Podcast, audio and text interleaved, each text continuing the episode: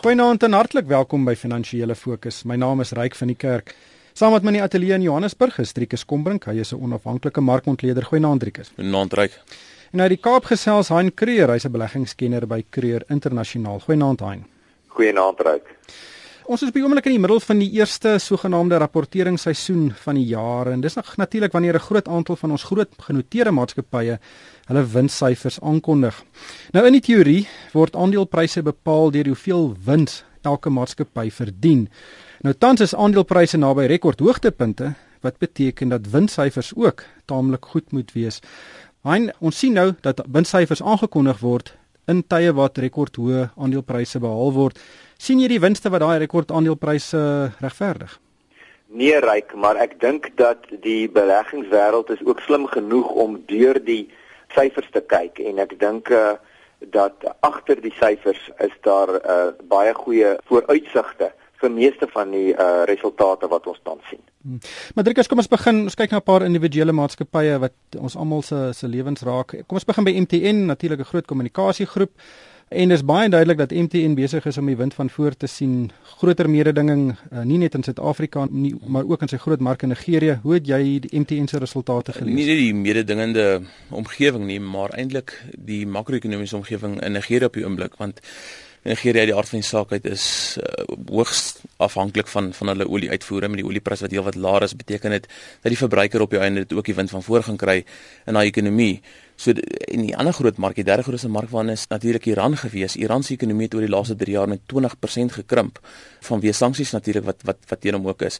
So baie wind van voor, maar dis 'n maatskappy wat dit reg kry om ten spyte van die wind van voor nog steeds wins te groei.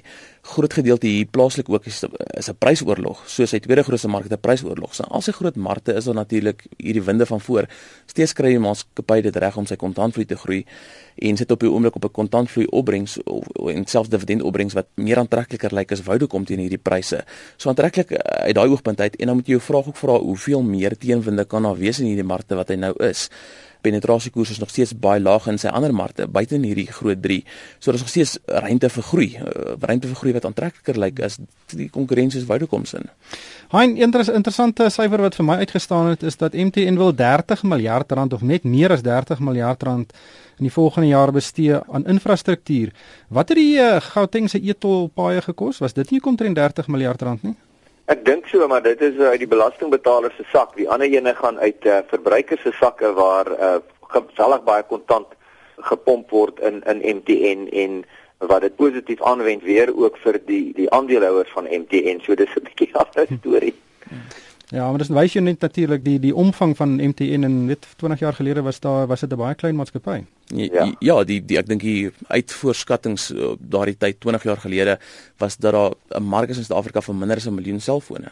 Ja. Op die oomblik sit ja. ons met 'n pen penetrasiekoers in Suid-Afrika van 130% en die model verander vir die telekommunikasiemaatskappye plaaslik soos wat dit al reeds in die weste verander het en dit is die skuif na data toe. So jy sal sien dat die data groei in MTN se winste baie groter en groter bydra gemaak en ek wil sê binne volgende 5 tot 10 jaar vir beide MTN en Vodacom gaan dit die grootste by verre die grootste gedeelte van hulle omset uitmaak.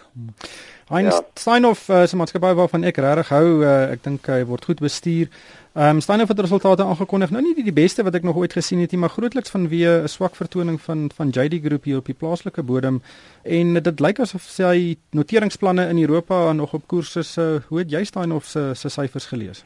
Ja, weer eens uh, ryk bietjie deur dit gekyk en uh, gesê, "Jene, dit is nou eintlik 'n uh, lekker resultate vir 'n uh, ou wat 'n koper is van aandele. Omdat die uh resultate in Suid-Afrika wat eintlik nou maar redelik klein is in die boek van hierdie maatskappy, uh gelukkig 'n bietjie die aandeleprys onder druk sit en dat dit eintlik vir 'n mens 'n lekker koopie dan maak, want wat my baie opgewonde maak, is sy 63% blootstelling aan kontinentale Europa 8% bykomend dan ook in die Verenigde Koninkryk uh, en maar net 26 in, in suidelike Afrika onthou nie eers net Suid-Afrika nie en as 'n mens dan ook nog Sub-Sahara Afrika se groei van 4.8% in die afgelope jaar vergelyk met Suid-Afrika se 1.4% dan is uh, dit eintlik ook nogal baie goed. So ek moet sê ek is saam met jou opgewonde oor die maatskappy en sy vooruitsigte. En die huidige resultate sit bietjie die rubrieke aan op die aandeleprys wat dit 'n koopie dink ek maak.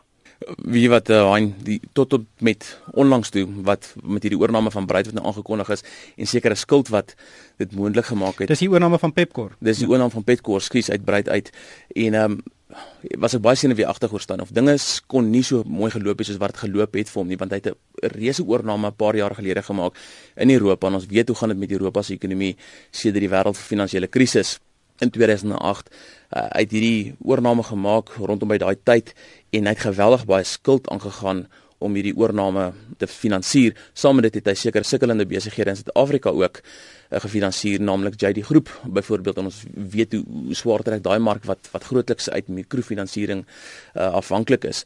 Uh, so dinge kon lelik geloop het. Dit het gelukkig nie en dinge lyk nou eintlik baie rooskleurig vorentoe. Veral is hierdie Pepkor transaksie gaan deurgaan. Die kwaliteit en die verspreiding van die bates binnekant staan of lyk baie aantreklik en die skuldvlakke alhoewel skuldvlakke nog steeds baie hoog is, is beteken minder op hierdie stadium want die besigheid in Europa het bewys dat dit 'n stabiele besigheid is, goed geposisioneer is in daai mark en nommer 2 die die bate Pepkor is natuurlik uitmuntende bate. En daar's natuurlik baie baie geld wat ronddryf daar in Europa met hulle likwiditeitsprogram om hier ja. om die hele Europese Unie aan die gang te kry. So ek dink daar's baie positiewe vooruitsigte vir daai ja. notering. Ryk as ek net vinnig iets hieroor kan byvoeg. Uh, jy weet ek was self tot onlangs glad nie baie opgewonde oor Steinhoff gewees nie maar veral ook met die oog op die opswaai in die Europese of die toekomstige opswaai in die Europese uh, of na my mening in die Europese uh, ekonomie, kontinentale Europa se ekonomie dink ek regtig waar hulle is korrek geposisioneer en en ek dink uh, dit toon tog 'n bietjie visie aan hulle kant uh, wat 'n mens nie weg moet hulle nie. Hmm.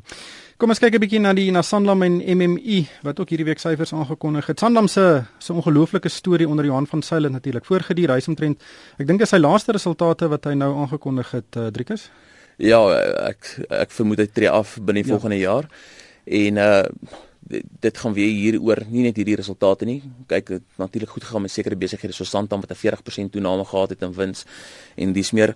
Maar dit gaan oor die verskuiwing en ons praat baie van maatskappye beleggers hou daarvan om Shoprite te noem of MTN te noem met blootstelling Afrika.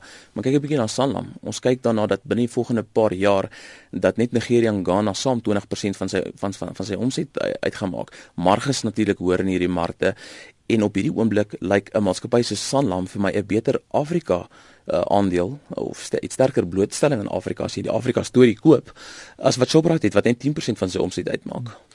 En ja, winsgroei 27% dividend op met uh, amper 15%. Uh, dis regtig uh, een van die finansiële aandele en van eintlik van enige van die van die groot aandele op die beurs wat die afgelope paar jaar ongelooflik presteer het. Jy weet uh, wat my weer eens ook hier opgewonde maak is hulle is hulle toenemende groei um, in die buiteland. Op die oomblik uh, dra die buiteland 25% tot sy wins by van uh, bykans niks 6 jaar gelede nie. En, en hulle uitbreiding tot 49% nou in Indië en ek moet sê Johan Johan van Sail laat 'n baie goeie spoor na daar in Sanlam uh, en en ek dink hy tree daarso nie op 'n hoogtepunt uit nie, maar eintlik aan die vooraand van iets wat hy voorberei het uh, wat regtig vir Sanlam baie goed kan beteken uh, vorentoe en dit is hulle uh, hulle vergroting van hulle buitelandse boek en waar hy duidelik gesê het dit is hulle spits hulle toe daar waar dit goed gaan en goed lyk en 'n goeie toekoms is en hulle begin te snoei daar waar dit nie so goed lyk nie en dan wil ek amper en hakies daarna sê lees in in Suid-Afrika. Ja. En 'n pleintjie vir Johan van Sail dat hy binne 6 jaar uh soveel beweging kry, so vinnig opbrengs op kapitaal gekry het in hierdie buitelandse markte. Standard Bank belê al vir 3 dekades in die kontinent en hulle begin nou eers vrugte afwerp. Hmm. Hoe vergelyk dit met MMI se syfers? Uh, MMI is natuurlik in 2010 op die been gebring toe Metropolitan en Momentum saamgesmelt het. Uh, hein, uh, wat het jy van van MMI se syfers gedink? Wel ek dink net soos met Sanlam dink ek 'n mens moet uh, versigtig wees om hulle wesensverdienste teen hulle te laat tel vir die afgelope 6 maande want omdat beide van hulle se wesensverdienste baie sterk beïnvloed word deur markbewegings en ons weet dat die markbewegings was baie plat en volatiel en selfs negatief in die afgelope 6 maande en daarom het dit weer eens ook daar negatief beïnvloed en weer eens uh, laat die resultate as 'n mens te oppervlakkig na die resultate kyk laat 'n mens dan uh, negatief uh, wil optree uh, teen die maatskappy in in en en ek dink 'n mens moet 'n bietjie verder kyk en en kyk waar daar visie is en en groeipotensiaal is vorentoe en dit geld ook vir MMI net soos met Sanlam. Laastens het Standard Bank ook syfers aangekondig. Nie baie goeie syfers nie, het, het baie ontleeders gesê. Jy weet, dis een van ons groot banke. Ehm um, Driekus uh weet almal sin speel op dat Standard Bank 'n draaipunt bereik het. Ek het nie eers besef dat hulle in 'n afwaartse fase was nie. Hoe het jy die resultate gelees? Dit gaan oor opbrengs op, op kapitaal. Weereens wat wat genereer die bank met die bates wat hy het? En Standard Bank wat, wat ons grootste bank is, genereer eintlik die minste opbrengs vir die hoeveelheid bates wat hy wat hy besit. Hy sê is baie in lyn met baie van die goed presterende banke in die buiteland en daarom verhandel hy op op 'n lae prys tot boek uh, verhouding. Hy word gesien as 'n wêreldbank ontlikeende markspeler, maar hy het te veel winde van vooraf gekry of die kompetisie is te erg in hierdie ander markte waarin is en hy herposisioneer hom as 'n Afrika speler. Uh, met die met die Chinese bank ICBC wat natuurlik die bedrywighede nou in uh, die Verenigde Koninkryk in Londen oorkoop waar hy sy internasionale bedrywighede vanaf gehardloop het of of 'n groot gedeelte daarvan oorkoop, laat dit hom toe om hierdie kapitaal weer te herfokus op die vasteland van Afrika, weer res van Afrika waar hy nou 21% opbrengs op, op kapitaal uh, verdien teenoor die gemiddeld van die groep wat 'n 14% opbrengs op, op kapitaal het. So ek dink is 'n goeie aanwending van kapitaal as ons vorentoe kyk waar waarheen gaan die kontant vloei wat eintlik die beleggers in is word goed aangewend en die antwoord hier uh, lyk seker sekerlik ja. Hein ek wil net weer terugkeer na Johan van Sail toe maar 'n ander Johan van Sail is Dr. Johan van Sail hy's die hoof van Toyota in Suid-Afrika en hy is hierdie week aangestel as die nuwe uitvoerende hoof van Toyota in Europa. Dis 'n geweldige bevordering van hom en dit vat een van Suid-Afrika se top motormense en stel hom weet aan die stuur van van een van die groot en belangrike motormarkte in die wêreld vir Toyota. Dis 'n geweldige erkenning vir sy talent en en 'n pleintjie vir Suid-Afrika ook. Dit is fantasties ryk. Ek kan onthou ek het 30 jaar gelede as 'n baie jong verslaggewer by Beeld het ek vir Johan van Sail uh, raak geloop. Ek dink toe was hy by die Motorindustrie Federasie gewees en ek het hom daardie tyd al ontmoet. En dit wat hier gebeur is uh, is soos jy sê is 'n pluimpie vir Suid-Afrika. Dit wys net die die kundigheid wat ons in ons land het en 'n mens wens so dit kan 'n bietjie meer algemeen aangewend word hier, maar ek dink dit word tot 'n groot mate genegeer.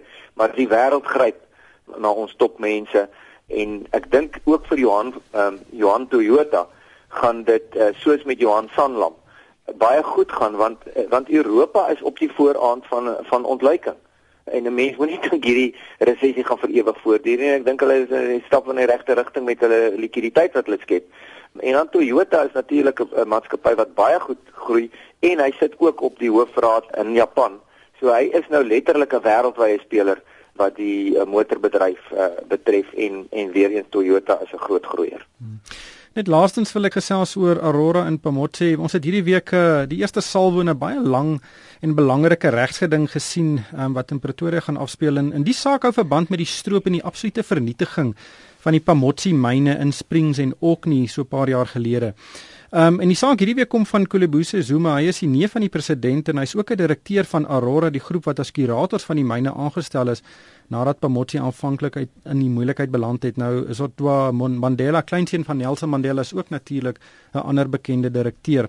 Nou plaas ehm um, daarvan dat Zuma en Mandela en hulle ander vennote die myne probeer regryk het, is hierdie myne absoluut verwoes. Hulle is kaal gestroop die metaal is as skrootmetaal verkoop um, en uh, en die werkers het ook sonder vergoeding gewerk en as geweldige armoede nou in daai gemeenskap en ek dink nie daar's enige vooruitsig dat die myne weer in werking gestel kan word nie. Maar, maar nou die likwiditeurs van hierdie myne is saak teen Aurora en sy direkteure uh dis dit sluit natuurlik vir Zuma in. Ingestel en hulle soek nou so wat 1,7 miljard rand van hierdie indirekteure vir die skade wat aangerig is. En hierdie groot saak sal op 23 Maart begin. Maar hierdie week het Zuma 'n dringende aansoek in die hof in Pretoria gebring om die verhoor van die 23ste Maart te skrap. En die hof het nou hierdie aansoek van die hand gewys.